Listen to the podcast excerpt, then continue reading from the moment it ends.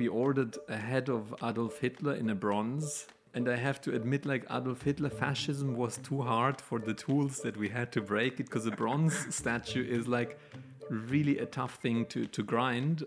takes ages to get this into powder. Welkom bij Spring in het Diepe. In deze podcast ga ik, kunstjournalist Luc Hezen, in gesprek met makers wiens werk te zien of te beleven is op het Spring Performing Arts Festival van 20 tot en met 29 mei 2021 in Utrecht. Deze podcast is in samenwerking met online kunsttijdschrift Mr. Motley.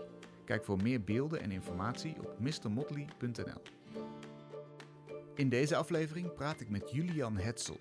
Hij heeft in co-productie met Spring een performatieve installatie gemaakt met de naam Mount Average. Als bezoeker krijg je een tour door de verschillende kamers van een bijzondere fabriek. Hier worden standbeelden van heersers, dictators en tirannen vermalen tot pulp. Aan jou de taak om dat pulp opnieuw vorm te geven. Welcome to our factory. Over here, we provide a service to explore the new relations between past, present, and future. Julian, thank you for having me. First of all, can you describe what we're going to experience in your performative installation? Mount Average is a journey through six different rooms that are all about uh, the question how do we deal with the past in the present on the example of um, monuments. So the audience enters in small groups, groups of four, with a headset. So each audience member has a headphone and they are they basically go through kind of a tour of an environment that you can describe like a, a factory possibly like a production side and you meet different um, yeah stations of a process of shaping the past into something new.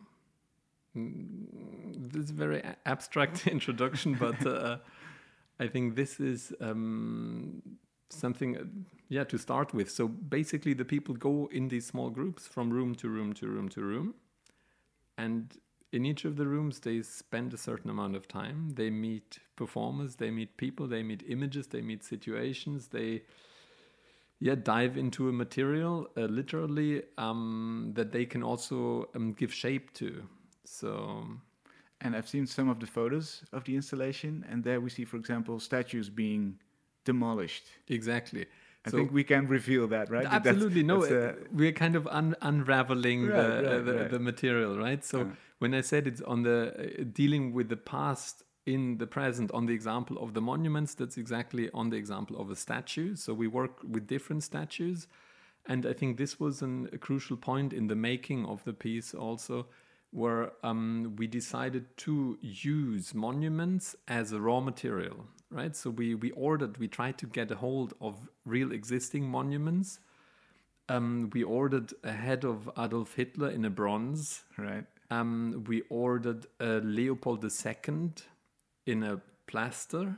Belgian also. Belgian king. Absolutely. Mm -hmm. um, and some others, and we tried to grind them. So we tried to make them into powder, into I say make powder of power, so to to to shred or to grind the statues, to undo them in order to make the the past in a way or the, the history, the memory, the legacy accessible as a material. Because I think we need to I say work with the past and not let it become an obstacle or let it become a problem so that it kind of the past needs to be kept fluid, you know, flexible.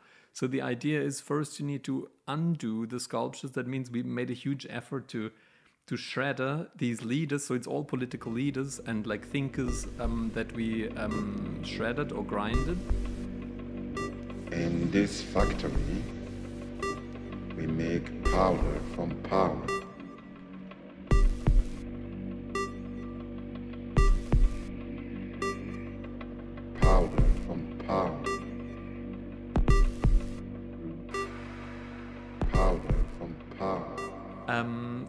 Have to admit, like Adolf Hitler, fascism was too hard for the tools that we had to break it because a bronze statue is like really a tough thing to to grind. Um, so it takes ages to to to get this into powder. Um, fascism was not so easy to crack, right? Others were It still more. is. We just had elections here. For fuck's sake. well, Yeah. maybe let's not go into that, but fascism is is difficult to crack. Okay, Absolutely. and others, we we um, I, I think the general how to say gesture is to to undo or to to pulverize the statues and make a how say um, a paste out of them. So that's the overall idea. In order to give new shape, in order to give new uh, forms to the the past that is in many cases problematic. So we also made a selection of leaders of um, figures from the past that are quite um, I don't know controversial or problematic or yeah. And we we in a way that we we have an archive in one of the rooms. So yes, in one of the rooms you see how the the monuments are being um, pulverized. Um, in another room, you see how they are being uh, how say put in an archive how they are being processed how the the manufacturing of this material happens and how it then in the next step is being reshaped or being how say made into a, a new shape a new form. Um, and i think in the what what i find really exciting is that the the, the this paste this gray paste, this malleable, uh, clayish uh, material that uh, comes out of it, is kind of a Frankenstein of all different leaders that are put together, right, in a in a new material in a new form.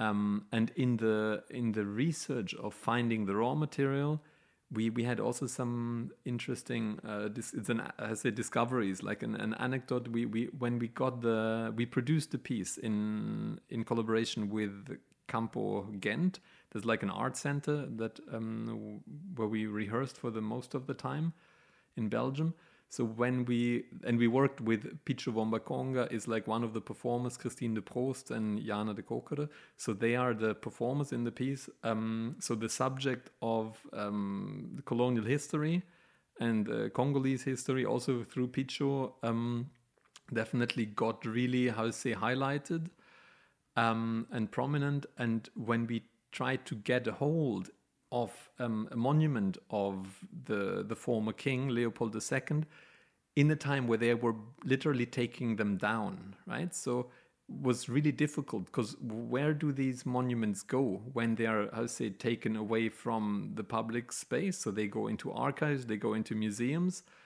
um, where they're then stored somewhere invisible in the in the in the basement. I don't know where they put them, but they're off the streets, right? Some of them, and it was quite a challenge to find one sculpture or a replica of uh, Leopold II, but was really interesting because we found it. Um, we found one sculpture in the um, Natuurgeschiedenis Museum, like the historical, I think, uh, museum of uh, Brussels in the Jubelpark. There is something like a, let's say, in Werkplatz, a workshop, an Afritzelwerkplatz, I don't know, a plaster workshop, like a, where they make molds of existing sculptures, and you can basically order um, from an archive, from a catalog. You say, him, I want this, I want that, I want that, and you can also still order Leopold the Tweede, Leopold II. You can still order while they are taking them down on the other end, right? Here, for example, we have some terrific leftovers of Spanish conquistadores. And here at the bottom, we have a collection of concrete communist sculptures. Now, concrete, as you might know, is really the material of the left because it allows for rapid change. And another detail that I find really remarkable is that Leopold II was the person who installed, who established this museum and also the workspace to reproduce his own sculpture. So he took care of his own resurrection for the future. So that was quite uh, interesting to understand actually the I say the the politics behind these statues and the place where they are being reproduced.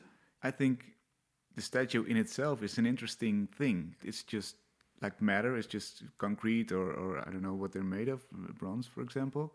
But then it has this huge aura of power Yeah. to it, but but it's only because we assign it to it. Absolutely.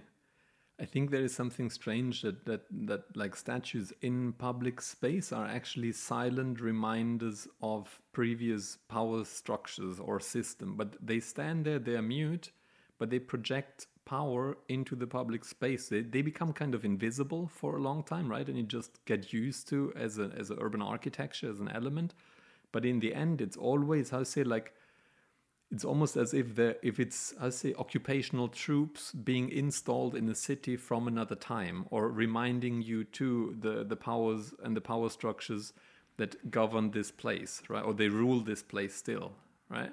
And it's kind of interesting like or searching for ways how do we deal with these um yeah monuments with these obstacles with these yeah elements that that that still stand there? And um I think it's about how to say finding new ways to deal with the past, and I think this is what we what we literally try to do.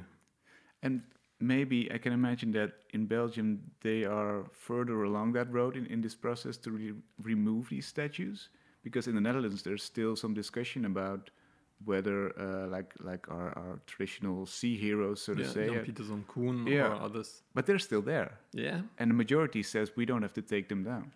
Look, it's a very sensitive subject. Like, where do you want to go, right? Like in France, it's like about uh, Colbert or like, um, uh, yeah, Columbus in Spain. In Germany, there were discussions about um, Kant and others. You know, like whoever, and I think it's a very sensitive subject, and it's a very delicate. Um, yeah uh, issue where where you where you get really on the on the core values of society right? It's about deconstructing identity right? National identity. So that is constituted by the coin the flag uh, the the anthem and other elements. But i believe that the heroes of the past totally contribute to the uh, identity construction of, of the society of, of a nation. So once you how say dare to scratch or to take them down or to pour a bucket of color over them or make graffitis you definitely how say if you cannot destroy the leader you destroy the image of the leaders right? So what we also um, and I think the, the I say the, the the concept of iconoclasm of destruction of monuments is has a long tradition goes back through I say you had what Beldenstorm was Beeldenstorm, called yeah. Yeah, yeah. absolutely. Um, and there is like a whole tradition of doing that but I think the same happens still right in a contemporary form like they built the next bigger Burger King on top of the McDonald's and you know so I like capitalism does the same in a way so the churches of today are um, maybe more shops than um, yeah buildings but it's it's it's the same right? So like when you look to I don't know Spanish history how the the architecture there has been influenced by both Muslim or Christian architecture and it coexists because it's a mix of both right?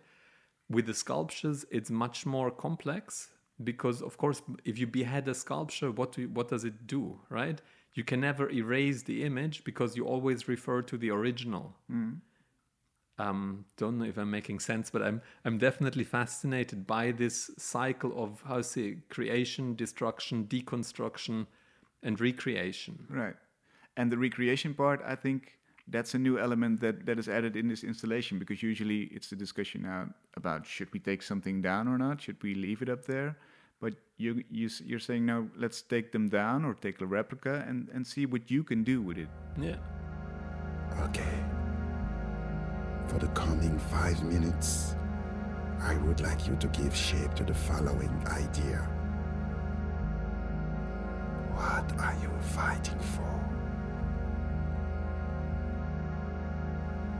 Continue shaping the material while you reflect on this question. if you give shape to something if you like what are the monuments that we that we create today? What are the the, the heroes of our times right?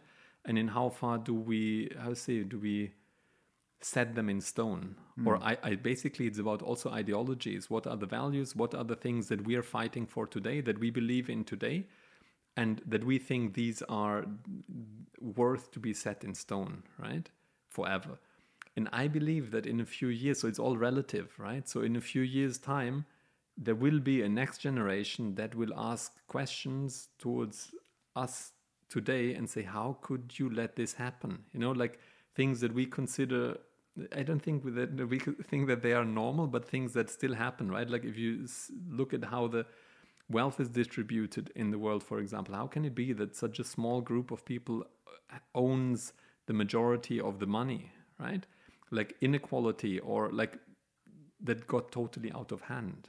If you look at Jeff Bezos or other people, like how is that possible, right? So I think it's all relative. So in a few years' time, there will be people taking down the heroes of today, right? And we are just part of that process. So I think this, it's more like an idea to promote like an ongoing um, process of, I say, becoming, of of giving shape. It's more about the attempt of giving shape to something and to, I say, it's more about movements than monuments. Listen carefully. Things are the way they are because things will never stay the way they are. Our body of today is not the same as our body of yesterday and will certainly not be the same as our body of tomorrow. Every day, our body is made up of all the things we eat, drink, consume, but also all the things we left behind by sweat, vomit, piss, and shit. In one hand, we win, and in other, we lose. Do you think that the, even these times still uh, there's a need for monuments? I mean, if, if we were to take them all down and build new ones, would we even want to? I don't know. I think it's it's um, it's more like a I say a dream of eternity, right? That there is something to to manifest ideas or yeah, also the legacy of people in in a monument or a, a moment that is memorable. Um, I think it's yeah, there is always the it's it's it's difficult, right? So I, I don't think that we, today we, we do not build the same monuments than uh, I don't know hundreds of years ago. Absolutely not. So there are more con- contemporary forms of monuments, but I think the general desire to capture a moment and and I say keep it for eternity is still there, right? So it's more like a question: How can we do that today? What are contemporary forms? Um, and I don't think that there is yet a great new, uh, how to say, school or or any, how to say, like vision how this should be done. Or I, I think how to say it's also a very Western view on the subject of how to say erecting people in a horizontal um, or bodies in a horizontal way. Like other cultures deal very differently with the concept of the monument, right? So it's also like questioning Western culture's um, canon or the history of, of, of the Western art tradition. So I think this is much more um, what we are trying to do also like to yeah to put the own our own history our own heroes our own enemies all the the people that we fight for i say on the table and say hey let's work with this you know like nothing is sacred i have a madonna statue that i inherited from my from my grandpa and i have it at home. Not that i'm religious or anything but the, it's there is a certain aura to this object right? And then one day it fell something broke off.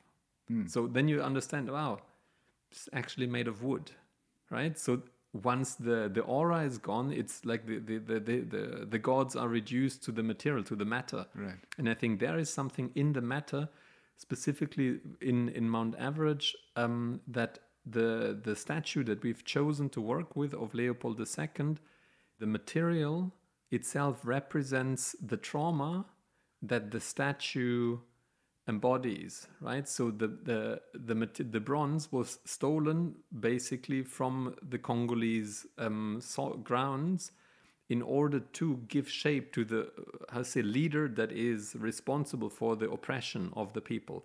So there is something ironic or tragic in this image that how to say the it feels like often the the the, the statues are basically um, the tip of the iceberg, whereas the material that is invisible, so the history of the material that the, the statues are made of, is invisible and lies under the surface, right? But this is something that we wish to resurface, to, to bring up and to to look at it and say, hey, wow, oof, what is there, right? And like, what does this say about the society we live in?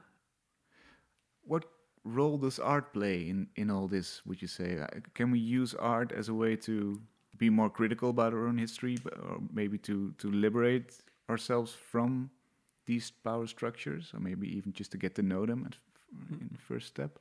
I think that in in one way, like art has been instrumentalized by um, by propaganda many times to produce these images, right, and to produce the statues, the monuments.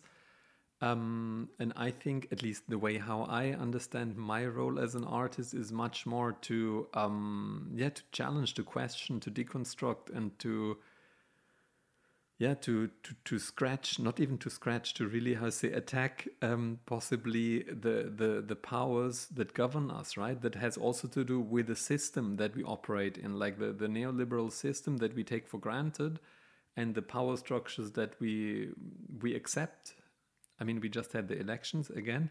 Um, but if you cannot change it, I think art can be a weapon. Art can be a tool um, to, yeah, bring things to the surface, to, how say, address issues clearly, and to, in some moments, also, how say, create a, a collision, to create a friction in order to uh, say, activate people for independent uh, free thinking right? So i think this is my vision of of what i'm doing. And this is also the case in this installation, I guess. I mean, be, being being shown that you can tear these statues down and that they're they have material and that material is also possibilities for other forms. yeah That's almost activating people to take matters in Absolutely. own, hand.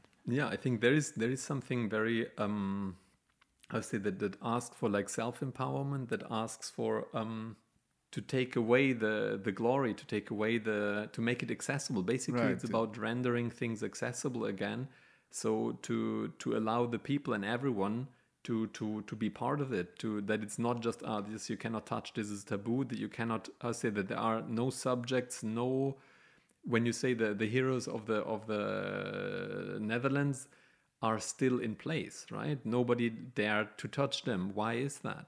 Right? Like why is nobody questioning these values? Why and maybe there is not the need, but I think the time will come. Yeah. Um Well, a lot of people are questioning it, but but not enough. So so it's a matter of perhaps power relations still. I mean, there's a minority that says we should get rid of these statues, and well, basically most most of them say, well, let's just write down what went wrong and keep them up there. Yeah, I don't have, as I say, I don't say all the statues have to go, right? It's also wrong to just erase history and say this all never happened, right? Um, I'm more, I think, as long as we speak about it, as long as we discuss, as long as we, we defend them, or as long as we, we argue, then this is what I understand as a process. Then we are busy with the past. Then we're busy with thinking, how can this exist in the future? And I think this is what it is about, right? To keep it alive, to keep it alive as a material and i think this is the only way to to also create again new relations how what is your yeah your place in the present and how do you relate to the history and how can you how say create a history a future basically that that acknowledges the past with all the dark sides and the and the good sides but that you don't um it's important that we speak about these issues Do you have an idea for maybe a new model of statues or monuments like these? For example, if, if you say talking about it and keeping it alive is the most important thing, how should we deal with new statues? There is something again in the concept of movement versus monument that inspires me a lot. So, to how can we keep materials alive? How can we keep um, mo- monuments transforming? How can we create something that allows for shape shifting? How can we allow things to change over time? That the so that there needs to be something that is more active, and that means I'm also how to say critical with the preservation of all these glorious um, objects and artifacts that are in the museums and they are all behind glass and well protected. I think we need to find ways that things do not just how say get dusty and and lose relevance right like how can and i think this is also how you can keep the past interesting for future generations right by keeping them close by keeping the past and the horror and the trauma and all that really close and like face it and let's let's work with that Maybe we should uh, put up like digital statues that can can change any day or can be morphed, transformed. Absolutely. I mean, there is a lot is already happening, right? But I think I'll say in the when when we speak about concrete matter like real um, stone, right? Maybe we need to reconsider the materials that we work with. And absolutely, if if we find how to say monuments or possibilities in the in the virtual space or in, in, in digital formats, of course, there is, like say, new possibilities that, that we only learn to explore now, right? So, what, what is the part of the installation that you're most proud of? I'm really, I mean, hey, I'm really happy with the whole um, outcome of the piece, but I think there is one. It's basically two ele- two rooms that are connected to each other. It's a bit of a spoiler if I give the give that away, but there is something about the audience participation and the blind mastery in how people give shape to something, like literally give shape to the unknown by working with the material that they don't know, by working with the material with an idea that they don't see. And what kind of beauty lies in that? Where, like, a super simple setup of how to say people touching a material and giving shape to it can be so poetic and so strong that is really something that is a very simple idea. It's super straightforward and uh, basic, but it's really I can watch it for hours. so that doesn't get uh, easily. I say it doesn't wear off. Mm-hmm. They contribute in a way very generously, but without actually knowing the impact of what they do. Hmm. And that's something very powerful in that room. Cool. And mysterious too, but I guess people will I have try to not. go. I try not to say too much, man. I try to keep something uh, open, right? Yeah, yeah, I can imagine. So, so we should all come and visit and and start shaping our past and and, and future, I guess. Yeah, that's a good idea. Thank you. Cheers. Thank you. Is je interesse gewekt? Kijk dan op springutrecht.nl voor tijden, locaties en tickets.